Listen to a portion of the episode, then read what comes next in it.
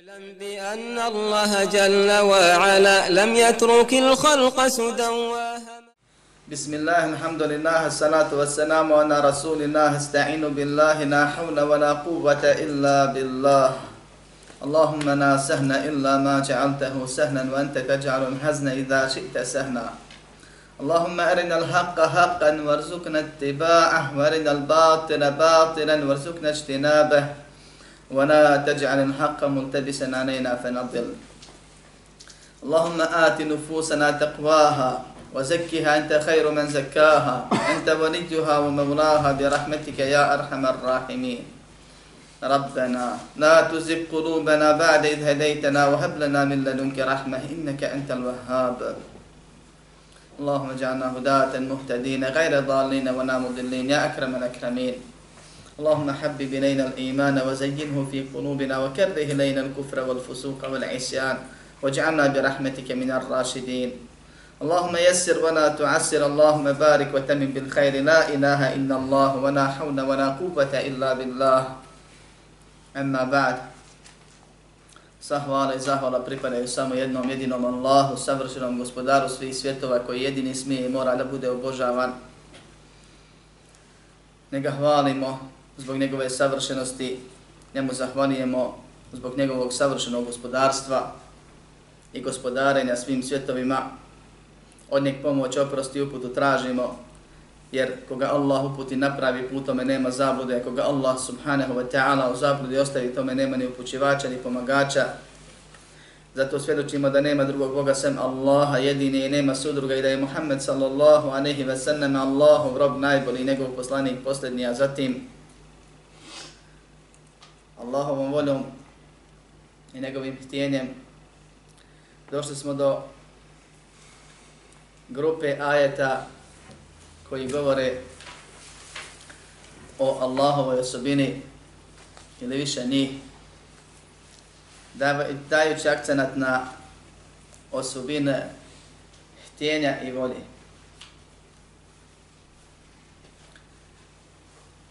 Skoro svi muslimani, odnosno oni koji se pripisuju islamu. I sve sekte u islamu pripisuju Allahu osobinu htjenja. To je da Allah nešto hoće i da bude kako Allah hoće. S tim da se razilaze u kakvoći tog pripisivanja, potvrđivanja i razilaze se u načinu dokazivanja. Neki to dokazuju šarijatski, a neki puko razum, čisto razumski. Pa kažu nemoguće da ima Bog koji neće nešto ili hoće, ili da se dešava nešto u njegovoj vlasti što neće ili hoće i tako dalje. I dokazuju na osnovu nekih stvari što jeste od dokaza ili od stvari koje ukazuju. Ali naučili smo u onim uvodnim predavanjima da muslimani, jer ehli sunnet val džema'a su produžetak muslimana do sudnjega dana. Muslimani, oni jedni jedini koji su bili na zemlji, ashabi, tabini, tabi, tabiini, prije nastanka sekti razilaženja. I oni koji ih uslijede u istom takvom vjerovanju, u načinu vjerovanja i načinu razumijevanja šarijskih dokaza, način dokazivanja. Muslimani vjeruju u sve čime se Allah subhanahu wa ta'ala nazvao i opisao u Kur'anu i sunnetu, jer je sunnet objava od Allaha. I potvrđuju Allahu subhanahu wa ta'ala sve ono što je sebi potvrdio i čime ga je poslanik sallallahu alaihi ve sallam nazvao i opisao Allahovom voljom i određenjem i rađenjem. Bez negiranja, bez krivog tumačenja, bez poređenja sa stvorenjima ili kakvoće određivanja. Nego vjeruju da je Allah subhanahu wa ta'ala sa svim tim osobinima i imenima koje nam je spomenuo, a više od toga ili mnogo od drugih je za sebe zadržao, nije nam uopšte spomenuo. Da je Allah sa tim osobinama savršen, nije ničemu sličan i da je svaka od tih osobina potpunost puka. I vjeruju ono što je puka istina, u što nema sumnja, to je da je Allah subhanahu wa ta'ala gaib, najveći. Da od kada je stvorio stvorenje, nikoga vidi nije. Od živih biće, Od ljuni, džina i meleka. I da Allah subhanahu wa ta'ala kad o sebi govori, jedini on ima pravo da o sebi govori. Jer nikoga drugi ne može opisati nazvati. I zato kad govorimo o Allahovim osobinama, smijemo reći samo ono što, čina, što, o čemu nas je Allah obavijestio. Bio, bilo u Koranu ili u vjerodostojnom sunnetu. Ni razum, ni nešto treće nema tu uopšte mjesta. Ko je to ko može svojim, ko je taj ko može svojim razumom dokučiti? Šta? Kako izgleda Allah? Ili neko od njegovih osobina vezan za njegovo biće? Ili neku od njegovih osobina vezani za njegova djela? Možemo znati samo ono što nas je Allah obavijestio, ništa više. I zato ako razumski dokučimo nešto od onoga, a govorio sam vam da se Allah subhanahu wa ta'ala svojim stvorenjima predstavio direktno i indirektno, direktno tako što se je, što je nazvao se i opisao određenim menima i osobinama, pa traži od nas da potvrdimo to, što je sebi negirao neke stvari, pa traži od nas da to negiramo, indirektno tako što je stvorio raznovrsna stvorenja i dao nam znakove i dokaze u nama samima i u svemu što nas okružuje. Pa veličina Allahovi stvorenja ukazuje indirektno na veličinu onoga koji je stvorio. Da se čovjek zapita koliki je tek stvorite. Je znamo da je Allah najveći. Pa snaga Allahovi stvorenja ukazuje indirektno. Da se čovjek zapita i zamisli koliko je tek jak naš gospodar.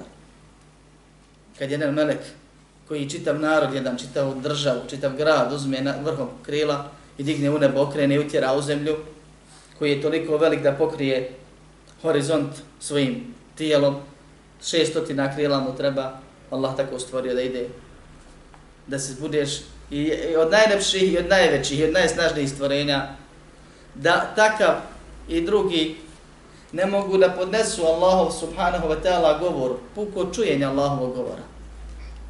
Osim one koje Allah izuzeo u momentu da moraju da čuju, njima se obraća. A ostali njemu slični ne mogu pa koliko je tek snažan i moćan naš gospodar i tako dalje i tako dalje. Tako da se razumski može neke stvari indirektno dokučiti, ukazati, ali razum nije dokaz kada je u pitanju poglavlja Allahu i minema osobinama. Dokaz je objav jer je Allah gajb.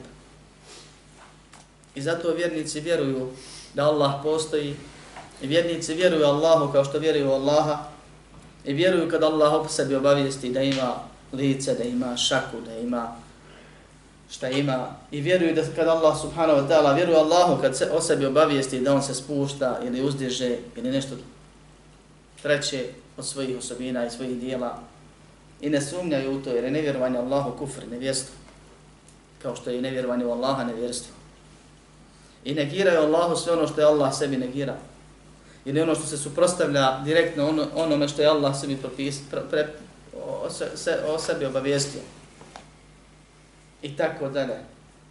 I zato šeheh ovdje kad spominje ova četiri ili pet ajeta kog ćemo večeras imati, kaže wa qawluhu i njegove riječi. To jest nastavlja i njegove riječi, riječi Allaha uspješnog spadaju ono što smo već, čemu smo davno počeli govoriti, a to je ovaj uvod kratki koji sam spomenuo. U to spadaju i njegove sljedeće riječi. وَلَوْلَا إذ دخلت جنتك قلت ما شاء الله لا قوة إلا بالله spominje jedan mali odlomak koji se tiče ove teme iz malo veće priče iz sure Kehf, sure koju Allah subhanahu wa ta'ala učinio da onome koje pamti, proučava, razumije, bude štit od iskušenja, jer je u njoj Allah subhanahu wa ta'ala spomenuo pet glavnih vrsta iskušenja iz kojih proizlaze sva druga iskušenja i smutnje. I da onome ko nauči prvih ili zadnjih deset ili cijelu suru te, e, zadnji prvi ili zadnji deset ajta ili cijelu tu suru, da mu to bude štit od deđala kao najveće iskušenja. U toj suri Allah subhanahu wa ta'ala kad govori o iskušenju i metka. A i metak je jedan od najvećih iskušenja za čovjeka, nažalost. Jer je Allah stvorio čovjeka da voli i metak i propisao mu kako da se obhodi prema tom imetku. I neće se pomjeriti stope čovjeka dok ne bude pitan za četvoro. Od toga je o, zna, o imetku kako ga je zaradio i u što ga je trošio. Dva pitanja vezana za imetak. I imetkom se može puno hajera učiniti. I mnogi od desetorice koji su obradovani džennetom, uzrok toga je bilo, bio i njihov ispravan odnos pred metku. I najveći kafir na dunjaluku, i najveći neprijatelj islamu, i najveći silnici i oholnici, uglavnom su bili zavedeni imetkom. Poput Karuna i drugih. Pa je metak veliko iskušenje. Ako položiš, možeš dobro da prođeš, ali osnova je da ljudi na tome pade. I mnogi čine raznorazne grijehe, velike i male, i mnoge izvjere izvede upravo pretjerana žena za imetkom i nemar prema tome kako se stiče i što se troši. Pa kad govori o iskušenju onoga koje mu Allah subhanahu wa ta'ala dao, što je dao od tadašnjeg imetka, poluprivrednik sa bašćom ili bašćama, kroz koje rijeke teku, pune plodova. Kapital veliki. Pa kaže, kao što kaže i poznata vam je sura, čitali ste je često, neki to još uvijek rade, petkom. Kaže, između ostalog, da je to on stekao, da je to njegovo, da nema povratka Allah, da ne vjeruje onaj svijet. Ako pak, kaže, bude nešto, ako budem vraćen tamo, da će mi opet. Naći što tamo bolje nego ovdje. Jer mnogi koji su zavedeni metkom, prišao im je šetan sa strane da misle da Allah ako nešto hoće, da im da iz raznoraznih mudrosti, razloga koje Allah poznaje. Da je to ujedno znači da Allah voli to što je uradio, odnosno to što im je došlo, što je prouzrokovalo. To jest u ovom konkretnom slučaju da Allah voli njih. Pa kaže konaj kom je dao na ovom, da će mi na onom svijetu. I kažu ne dijelite ljudima, jer da je Bog htio dao bi. I kažu mnogi, nema tamo ništa, a ako pak bude, bit će mi bolje nego ovdje, jer onaj svijet je bolji. I svi, kad presele, i dobro i loši, i vjernici i nevjernici, ako već spomenju onaj svijet, kao otišao najbolji svijet. A Boga mi, malom broju ljudi i džina je onaj svijet bolji svijet. Zato što je to rezultat rada na ovom svijetu. A inače, ahiret je bolji i vječan, Allah za ne kaže tako. Za onome koji je zaradio, radio, odradio, pokoran Allahu bio. Pa ga upozorava onaj koji ga je upozoravao. Između ostalog mu kaže, nakon što mu kaže, zar ne vjeruješ u onoga koji ti je dao i tako dalje, kaže mu, وَلَوْنَا إِذْ دَخَلْتَ جَنَّتَكَ قُلْتَ مَا شَاءَ اللَّهُ نَا قُوَّةَ إِلَّا بِاللَّهِ Zašto bola nisi umjesto toga što si govorio i što misliš što govoriš? Zašto nisi kad si ušao u svoju bašu rekao Maša Allah? Biva kako Allah hoće. Bilo je kako Allah hoće. Biće šta i kako Allah hoće. La kubata illa billah. Nema snage osim sa Allahom. Tako bi je trebao. I tako se postavlja vjernik. Ali ovaj prvi nije bio vjernik. I zato ga onaj upozorava i kaže keferte bil ladhi khalaqaka min turab. Zar ne vjeruješ onoga ko te stvorio od zemlje? Zar ne ječeš? Umjesto toga što govoriš, kao što mnogi danas govore, ja sam to sa deset prsti ustekao, ja sam to znanjem, ja sam to sposobnosti, ja, ja, ja, ja, samo ja, i na kraju opet ja, što nisi rekao, bud biće i biva i bilo je kako Allah hoće i kako je Allah htio. Ja sam posijao, zato što me Allah pomogao da posijem. Dao mi i snagu, i organe, i mogućnost da nabavim, i mogućnost da ima gdje posijem I da izaberem, i da postavim, i prilike vremenske, i sve drugo. Pa sam posijao. I opet ne znači da, ću da, da će da nikne. A ako pak nikne, a bit će kako Allah hoće, ne znači da ću ja to da poženim. Pa ako pak pokupim i uskladištim, Ne znači da ću se ja koristiti oko toga. Može se neko drugi posle mene bude koristiti. Bilo je kako je Allah htio jer se već desilo, dobio se sa šta se dobio, i bit će kako Allah hoće. I sve je od Allaha. I od nas nije ništa. I ono što imamo, Allah nam je dao. Unaprijed odredio. Da bi nas iskušao. I zato neki pravilno postupe na polože, a mnogi padnu i propadnu.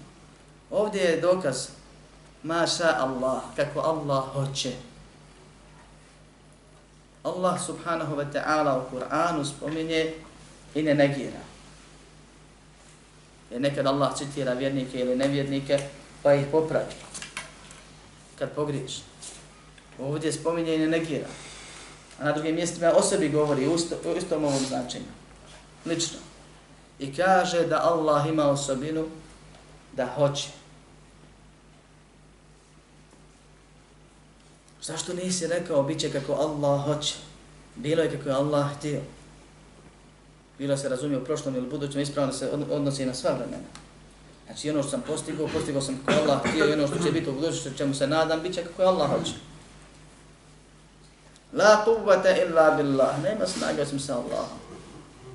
Je li ovdje negirao Allah snagu ljudima? Ne. Nego je indirektno potvrdio. Ali rekao da ona dolazi sa Allahom od Allaha. Da je Allah taj koji čovjeku stvorio snagu. I da je Allah taj koji čovjeku omogućio da koristi svoju snagu onome što mu koristi.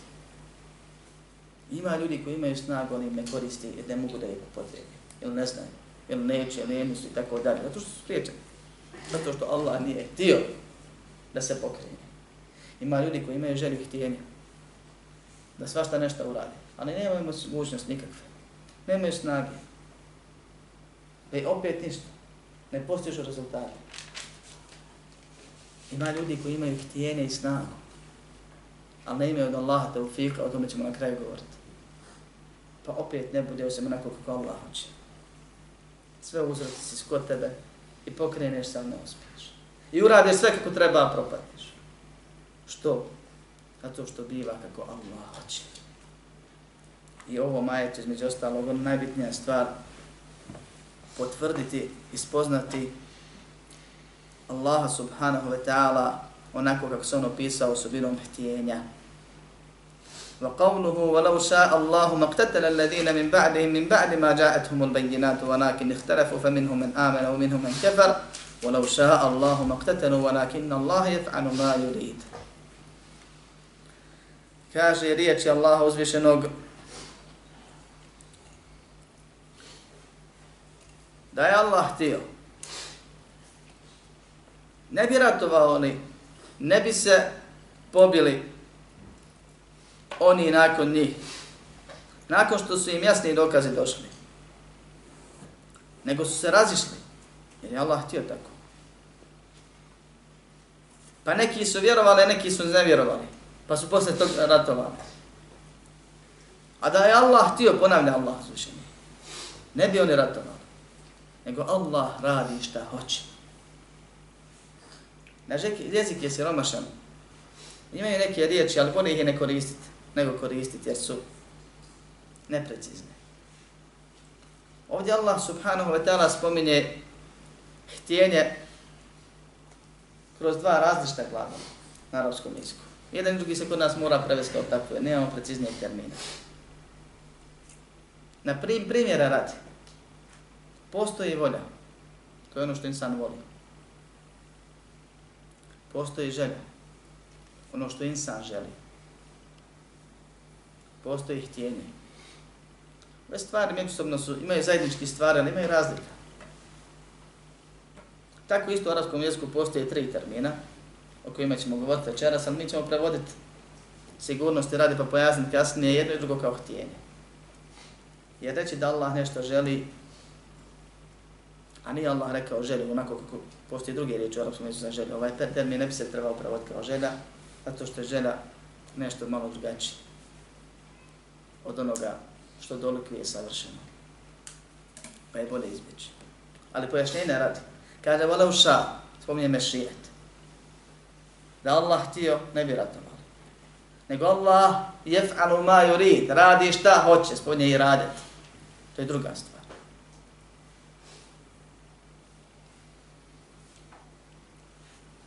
Pojenta je da sve što se dešava od onoga što mi volimo ili ne volimo, biva htjenjem svemogućeg Boga, sveznajućeg Boga, svemudrog, koji stvara, stavlja sve stvari na svoje mjesto, koji stvara, određuje s namjerom i mudrosti koja ima pozitivan rezultat u konačnici. I to ljudi ne mogu shvatiti. I kad bi ljudi shvatili sve mudrosti Allahovih propisa i odredbi i onda bi imali Allahovo znanje. Allah je sve znajući, a mi znamo veoma malo od onoga što nas je Allah subhanahu wa ta'ala podučio. Znamo malo od onoga što ljudi mogu da znaju. Ja i ti kao pojedine znamo vrlo malo. A ljudi mogu da znaju veoma malo u odnosu na ono što Allah zna. وَمَا أُوتِيتُم مِنَ الْعِلْمِ إِلَّا قَنِينَ Nije vam dato znanja osim vrlo malo, kaže Allah svišnji. Vi ko ljudi, ljudi i džini. A opet koliko mi znamo od onoga što ljudi znaju? Skoro ništa. I zato na osnovu svog znanja, koje je mizerno, ne možemo mi dok učiti te stvari. Ali vjerujemo da Allah subhanahu wa ta'ala stvara, određuje, naređuje, dopušta neke stvari da se rešavaju zato što je unaprijed znao, propisao, htio, naspram htijenja koje je vezano sa druge njegove osobine, za druge njegove osobine poput mudrosti. I to u konačnici ima pozitivan efekt. Rezultat. Neke stvari će se vidjeti na sudnjem danu, neke ljudi nikad neće spoznati, ne moraju, ali znamo da Allah ne griješi. I znamo da se u Allahovoj vlasti ne dešava osim ono što On hoće. Kažem hoće, ne kažem voli. Jer ima razlike između htjenja i vole ili ljubavi. Kaže, pa tako je ovo, ovaj rat koji je bio nekome rat, nekome vrat i u ratu uvijek neko fasuje na ovaj ili na onaj način. Allah kaže, bilo je njegovim htjenjem. Kaže dalje, wa qawluhu uhillat lakum bahimatul an'ami illa ma yutna alaykum ghayra muhilli saydi wa antum hurum inna Allaha yahkumu ma yurid. Dozvoljeno vam dozvoljena vam je stoka, osim ono što vam je propisano i spomenuto. I, o, i da lovite dok ste u hramima, jer Allah propisuje šta hoće. Allah sudi kako hoće. Ko je dozvolio? Ko dozvoljava u šarijetu? Samo Allah? Samo Allah. Poslanik sallallahu alejhi ve selleme propisuje neke stvari u šerijetu zabranjuje neke stvari dozvoljava. Ali samo onda i tek onda nakon što mu dođe objava od Allaha. Allah je jedini koji dozvoljava i zabranjuje. Koji propise i barete propisuje. I zabrane određuje. I zato je poslanik sallallahu alejhi ve sellem često spomenuo moj gospodar mi je zabranio, Allah mi je zabranio, Allah vam je zabranio, zabranjeno nam je i tako dalje. Kaže, dozvoljeno vam je stoka osim ono što vam je pojašnjeno. Pa su deve, krave, ovce, osnovi dozvoljene. Pod šarijetskim uvjetima. To, to je ono što je pojašnjeno. I osim ono što vam je pojašnjeno, pa je zabranjeno ono što Allah kaže, zabranjeno se strv, krv, svinsko meso i ono što je zaklano nečije drugo, ne Allahovo Allahu ime. Na drugom mjestu kaže, zabranjeno se ono što, pri čemu nije spomenuto Allahu ime, pa kaže, zabranjeno se ono što je strovaleno, što je uginulo, što je ubijeno tupim predmetom i tako dalje i tako dalje. Pošto ima osudi majde na drugim mjestima. Sve je to pojašnjeno. Ali ostaje da je dozvoljeno, jer Allah dozvoli. Pa ako musliman zakolje onako kako je zaklano nešto od onoga što je dozvoljeno stoke, spomenut ću pritom Allahovo ime, onda je to dozvoljeno. Iako sljedbene knjige, jevreji i kršćani, zakolju nešto od onoga što se mora zaklati i ne spomenu pritom nekčije drugo osim Allahovo ime i to biva muslimanima dozvoljeno. Ostalo je pojašnjeno kako je pojašnjeno. Kaže, osim ili također vam je zabranjeno da lovite dok ste u ihramima. Zabranjeno čovjeku kad krene na hađ ili na umru, kad zanijeti, kad počne od mikata da lovi, makar bio gladan, makar bila lovina u blizine na dohvat ruke, da pokazuje, da pomaže, da plaše, na bilo koji način da učestvuje u lovu. I ovo je jedna zanimljiva stvar ovdje. A lov koja je zabravljena hramu je kopljena lov. Dozvoljeno da peca ribe. I da lovi ribe na ovaj ili na onaj način. Isti taj. Iako i to lov. Što nam daje jedan, jednu fajdu, jednu korist bitnu. Da smo mi robovi. I da je Allah rab, apsolutni gospodar. I da ono što je danas dozvoljeno sutra ti je zabranjeno. I da Allah zabranije i propisuje šta hoće. I da on, la yus'anu amma yaf'alu wa hum yus'anu. Neće biti pitan i ne pita se zbog onoga što radi, a oni će kada biti pitan, to je se ja i, i ostali ljudi. Lov dozvoljen muslimanima, pod uvjetima lova. Te iste uvjete kad se ispune, ako su ih hrama, ne smiješ loviti. Hrana i piće dozvoljen muslimanima. Osim uz Ramazan po danu. Do sabaha smiješ, posle sabaha, do zore smiješ, posle zore ne smiješ. Jel se pokvalio, se promijenio? Nije. Nego se promijenio Božiji propis. I ti ko rob imaš samo da pravo da kažeš čujem i pokoravam se. I dotad jedemo, tad ne jedemo.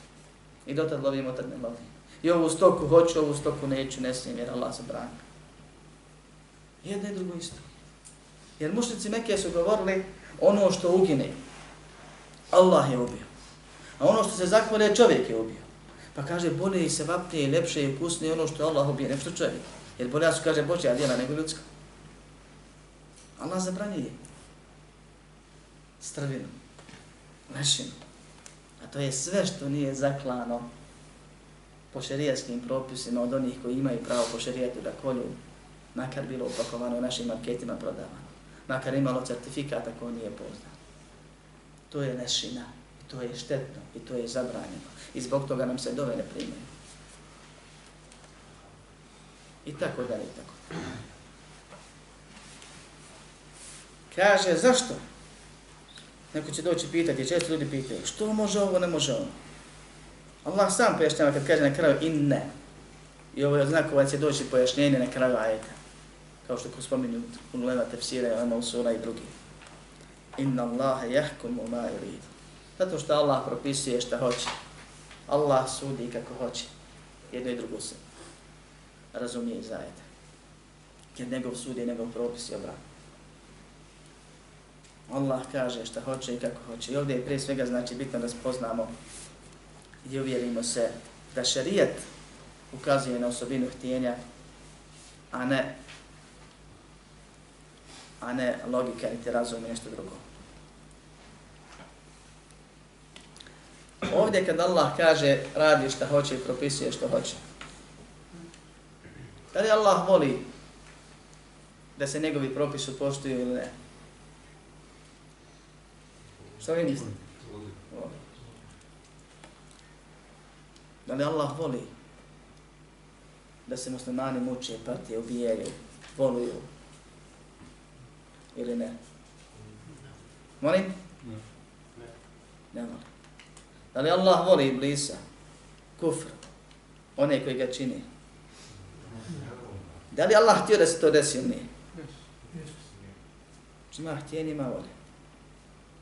Ili ljubav. Gore kaže, bude kako Allah hoće. A spominje stvari koje su negativne za muslimanovi pojedince. Ima puno ajeta u Koranu, drugi ovdje šest spomenuo, pa ćemo njih tumačiti, koji govori o čistom Allahom htjenju. Iako govori o stvarima koje su možda Allahu mrske, ili sigurno, ili možda su čovjeku mrske, poput iskušenja i drugih stvari.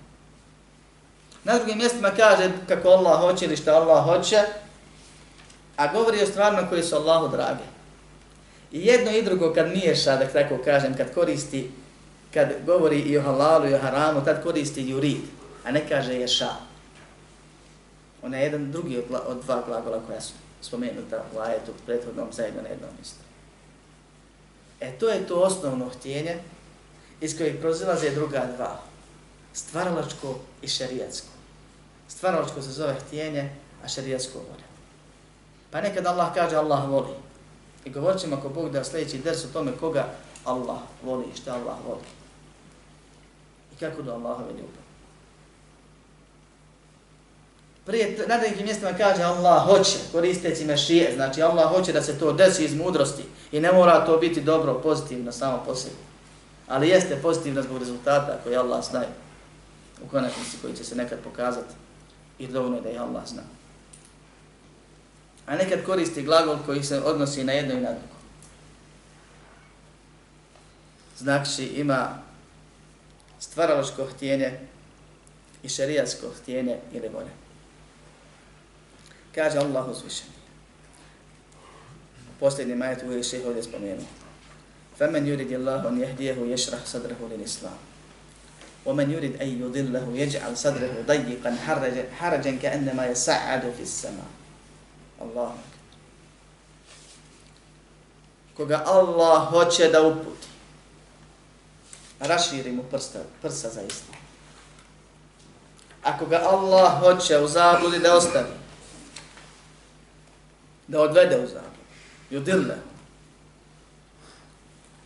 Učine mu, kaže, prsa tjesnim, stisnutim, pa se on osjeća kao da pokušava jer je na to prisiljen da se popne na nebo.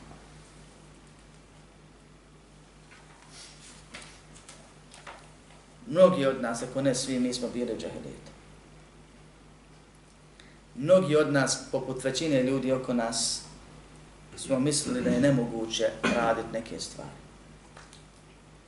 I oni koji su odgajani islamskim odgojem, pa su teoriju imali, ali imana nisu imali, onog šarijeskog imana, i oni koji nisu odgajani islamskim odgojem, pa nisu imali teorije, jedni i drugi su mislili da je nemoguće za mene, rekla na vakat. Da je nemoguće neki misle postit i sjedi s tobom posle ikindije namaza, tebi jezik bio, bio usta gotovo ispucala, sušla se, Allah zna koji je Ramazan u životu po redu i on tebe ubjeđuje u oči da je nemoguće postiti. Ne može. Milijardu ljudi u tom momentu na kugle zemaljskoj posti. Od prilike. I oni da ne vjeruje da je to nemoguće. Ili neke druge stvari. I s tobom razgovara i utjeruje te u laž. A ti se nadaš iftaru i raduješ se, nije ti prvi, a nadaš se da nije ni posljednji, ako Bog da, bit će još i spreman si imaš namjer već sada postiš sve Ramazan do kraja života. Ako budeš u mogućnosti. A on ne shvatljiv. Gdje ćeš to, kaže? To je nemoguće. Meni se dešava. I to mnoge druge stvari. Kad mu pričaš o bilo čemu, o bilo čemu, nekim velikim izazovima, životnim i tako dalje, ima, kaže, nek ima to, neko zna, neko može, lijepo je to, može se to. Kad ga pozoveš u vjeru, kad mu spomeneš propis, ma kakvi, jednom blok, stisne se, pocrni, naljuti se, nemoguće, nesvatljivo, neću, ne želim, nemoj me u to. Nemojte nam, kaže, toga nema nas nigdje. Kao što jedan reče kad bi svi bili takvi propašćani, čiri život, sve što je zgradio na haramu zgradio. Se ti njega pozivaš u kaj nema nas nigdje ako to odbri. Allah subhanahu wa ta'ala spominje, kad govori o mušnicima, da kad im se spominju oni koji ima se oni mole pored Allaha, onda su oni znači dragi, fini, veseli, redu, prihvatili, toleranti. A kad se Allah samo spominje, onda se odmah dignu i teško. I ne mogu da slušaju tevhidu. Allah, a vjeruju Allah. I more se drugima da ih Allahu približi. A nemoj im samo Allah. Teško je. Isti je slučaj sa onima koji ne primjenjuju vjeru, ne praktikuju vjeru ili ne primjenjuju nešto od vjere, ja znaju da je to od vjere teoretski. Vjerniku Allah raširi prsta, prsa. I ono što ti je jučer, do jučer bilo nemoguće, neshvatljivo, danas ti je lako. I slatko, što je najbitnije izvodljivo, olakšano i omiljeno, uljepšano. I ti uživaš. I tebi drago. I kad dođeš na stepen da počneš premjenjivati osnove vjeri, tako što si ostavio sve harame javne, one koje znaš, na kojima ustrajavaš veliki. I radiš sve farzove. I razmišljaš i kudiš se koliko na fila si propustio, a koliko ne radiš, planiraš još da u svom životu uvodiš. Ta dođeš I razumiješ one koji su davno prije nas rekli da znaju vladari i njihovi sinovi kakav rahatluk mi u svojim prsima osjećamo, došli bi sabljanama da nam to otmu. Ali to se otjet ne može, to Allah kome da, da. Tad hoćeš da poletiš. Tad te Allah iskušava jačim i većim iskušenjima nego prije, jesi boni vjernik. Ali ih prebrodiš. Neko će reći da u uživaš, ali prođeš. A prije nisi mogao zamisliti da to živ insan može podnijeti. I opet si rahat.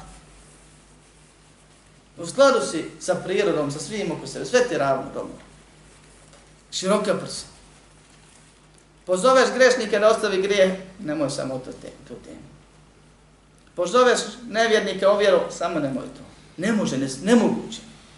Misli da ga tjera da se penje na nebo. I tako se osjeća. Zamisli da te neko tjera nešto što znaš u startu da je to nemoguće. I moraš da pred njim pokušavaš. Tako Allah opisuje onoga koga nije uputio na pravi put. Pa radiš i trudiš se i ulaziš maksimalnu snagu i napor, iscrpiješ se, a znaš da od nema ništa. Pa se osjećaš i psihički i fizički izmoreno, neraspoloženo i tako dalje. Tako se osjećaju oni koji ne vjeruju. I kako vrijeme prolazi, kako dan za danom život prolazi, sve im je teže i gore. Imao nekakve cilje, ostvario, postigao, nije postigao, možda nije izgubio mogućnost, ne nada se više tim ciljevima, život ode, a on se nije naživio, nije proživio i nik, nijedan nije proživio. E nije rahatluk, da nije došao do onoga za što kaže poslanik sallallahu alaihi ve seneme, nije bogatstvo mnoštvo i melke, nego je bogatstvo zadovoljstvo duše. Kao što kaže imam šafi, i tama kunte ta kalbin kanuva in fa ente wa maliku dunja sava. Stihovima, ako ti kaže, ako ti Allah dao zadovoljno srce, ti i onaj što ima sav dunjalog ste isti. Njemu ne treba više jer ima sve, nema takvog. Tebi ne treba više jer si zadovoljna s onim što imaš. I ti rahat. Ne patiš, ne, ne, ne sanjariš, ne, ne želiš, ne zavidiš, dakle da imaš što ti dobro. Ko da imaš cijeli dunjalu kad imaš zadovoljstvo sa onim što imaš. To je pitanje dunjaluka. Pitanje vjere kad znaš što živiš, kad znaš i nadaš se da je gospodar tvoj zadovoljan, kad gledaš da njemu ugodiš, kad znaš da ovaj život ima rok trajanja, ima svrhu, da ako se ne, ne naživim i ne proživim i u ovom momentu smrt, smrt dođe, nadam se da ću uspjeti. Da ću vječno lijepo živjeti ti si rahat u startu. Koliko god da te dugo Allah poživi, ti si rahat i sretan. Tebi su prsa široka. I ko ne osjeti širinu prsa, neka se propita i zapita. Kad je takav slučaj ko, po pitanju samog Boga, gospodara, u odnosu na one koji mu širk čine. i po pitanju vjere, kad pozivaš one koji ne vjeruju, isti je slučaj kod vjernika pravi kad im se neki propis spomene, kao što kažu su naši učenjaci, i poduči se da je nešto od suneta, nije od. Pa se obraduje. I nije mu žao što je 10, 20, 40 godina pogrešno radio. Drago mu je u momentu što je naučio da je to neispravno i ostavlja s pjesmom što je preklinaš. Dok onaj drugi koji ne želi istinu, on ne želi da sluša o sunetu. On želi da ustraje na svom bidatu i na velikom grehu i tako dalje. I sve je lijepo dok ne otvorimo tu temu. Što? Zato što ja znam da ti znaš da si u krivu. I ne želiš da slušaš. I što ti znaš da ja znam da ti znaš. Pa misliš da te provocira. A ja te, želeći ti ono što želim sebi u istinu pozivam. Pa mu je teško pa je namrst. Pa kad glumi edebi, vesele i, i ostale stvari, to traje sve dok ne pričamo o temama koje su škakljive. A zar ima što da Allahove vjere škakljive? Odjednom se promijeni. Odjednom ti više nije brat, nego je između nas rat. Zato što se rekao, rekao je Allahu poslanik sallallahu alaihi wa sallam koji bližima muslim, muslim sahiju, nije, niti se razilazimo da je hadis ne razilazimo da je hadis vjerodostan. Sto miliona puta da ga pitaš da li su ove moje riječi iste, neće ti jesu. Pa što se ljutiš? Ima nešto. Međutim, Allah upućuje koga hoće. I koga uputi, omili mu istinu. Bilo u globalu ili njenim pojedinostima. I koga ne uputi, potpuno omrzi mu i teško mu učini istinu. Sve drugo može lijepo, shvatljivo mu je jasno, izvodljivo, ali samo nema istinu. Ili ga ne uputi potpuno, zato što nije htio potpuno uputi, htio da se zadovolji s nekim stvarima, da bude i tamo imamo. Onda mu Allah u tim detaljima gdje odstupa od istine, učini teškoći, učini i da mu nezadovoljstvo i to mu je dovoljno kasnije na dunjalku. A ono što na ahiretu stedi je gore i teže. I zato je na insanu da se priprema dok je živ. I da svoje srce priprema da voli hajr i da ga želi i da bude spreman da ga prihvati onda kad mu se pojasni s dokazom. I takav i kad ne nauči i ne primijedi nešto od hajra, on je sretan i on je dobar. I on umire kao potpun vjernik ako u potpunosti primijeni ono što zna od vjere, makar to bilo vrlo malo.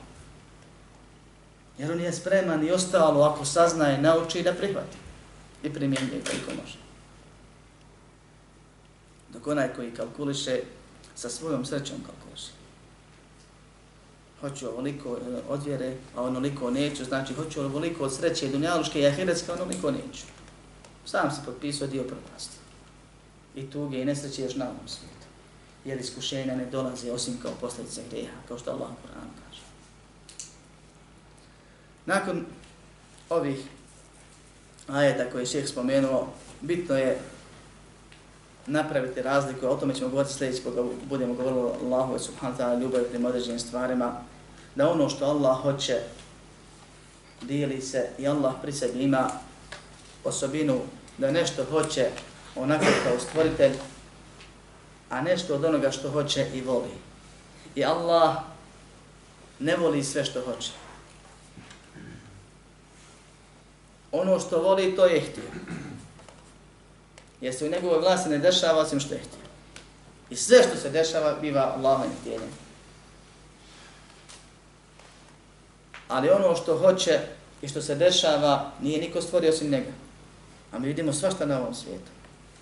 I ovo je bitna stvar da se razumije zbog vjerovanja u kader ispravnog. Ljudi zanegiraju postojanje Boga, kažu da postoji i ne bi gledao šta se dešava na dunjaluku, ratovi, zulumi, ovo ili ono, siromaštva. Znači, nema ga ne bila, jer da ima ne Ne razumiju da Allah savršen. Da Allah napravi sto jedan korak napraviti nekakve tamo u životu, pa kad se sve to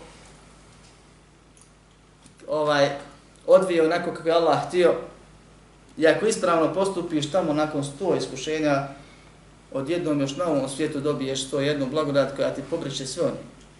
Isplatilo se saborit, kažeš. A ti možeš da procjeniš dvije, tri stvari, ono što ti procjeniš, ako Allah ti ne biće, ako ne bude neće. Insan napravi zamku pa propadne. Islam napravi, insan napravi posao pa propadne. Sve u redu bilo, jednom nije krenuo, nismo. Zaradiš i ne naplatiš. Što, kad nijem platio? U redu, nije sve dobro. Ti sve, sve, sve odradio.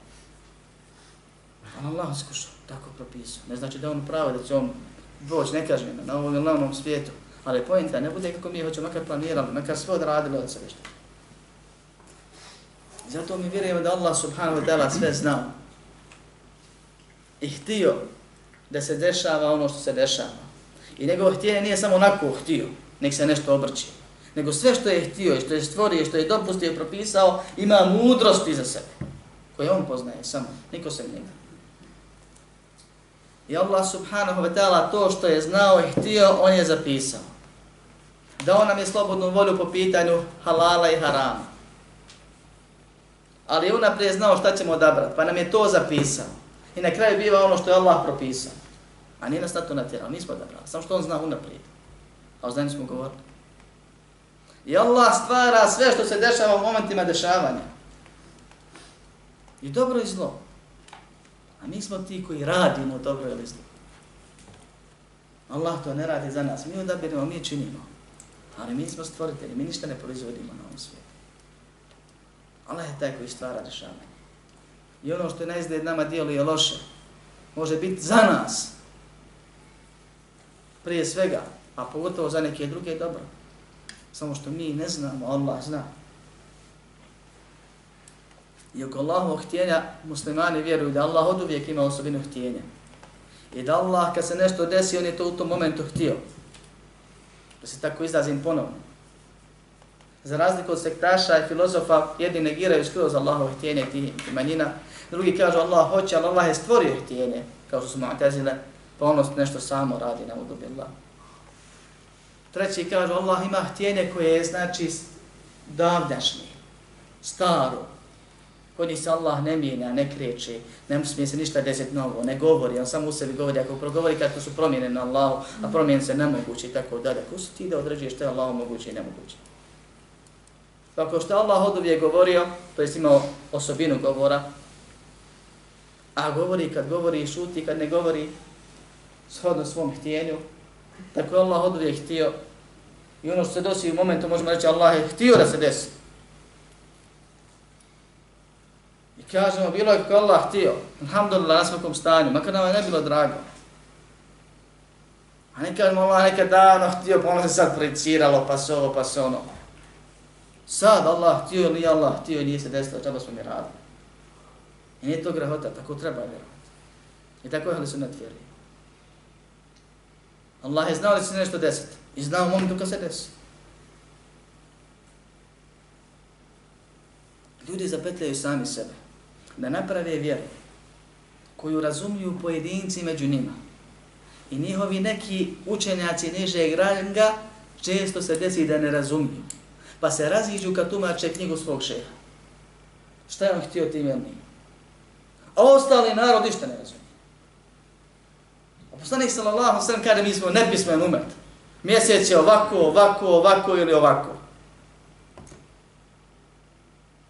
Mi smo nepismen umet. Kad komač Olema kaže, vjera je nam je takava propisana da i pismen i nepismen može da je razumije. Svi mogu, svima je dostupno. I najučeniji i najneukiji, i onaj što zna čitati pisati, onaj što ne zna, i onaj kom je Allah dao veliku ili manju inteligenciju, ako je razuman i ole, može da shvati. I zar je teško shvatiti da Allah radi šta hoće?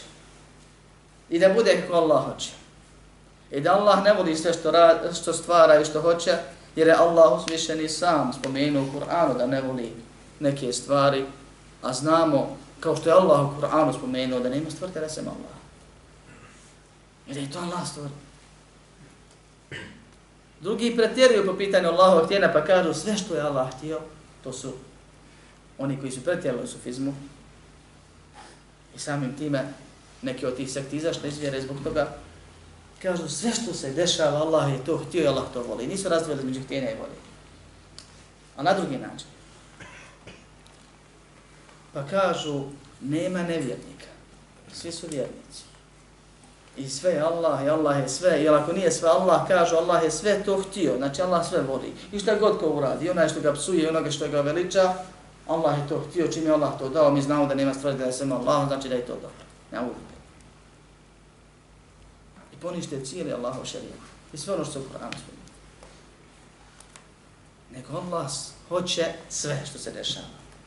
A neki od tih stvari želi stvaralačkom, u stvari sve se želi stvaralačkom željom, e, htjenjem, pardon, a neke od tih stvari hoće šarijatskim htjenjem ili ljubav. Pa ono što je Allah propisao voli. I nevjernicima proglašava one koji ne vole ono što Allah Zalike bi ennehum kerihu ma anzal Allahu fa ahbata a'manahum. Zato što su oni prezirali ono što je Allah objavio pa im je djela poništio, kaže Allah. Bitno je da insan zna da sve što se dešava, Allahovim htjenjem se dešava, ima u tome, u tome postoje mnoge mudrosti i koristi koje mi ne znamo, nema loše stvari u konačnici. I da sve što se dešava ne znači da Allah sve voli, nego ono što Allah voli pojasni na nama je da to radimo ako smo u mogućnosti da budemo takvi, a ostalo da se Allahu pokorimo i možemo samo da ga veličamo da mu se divimo kako je to sve svog znanja i mudrosti stvorio i odredio i dao.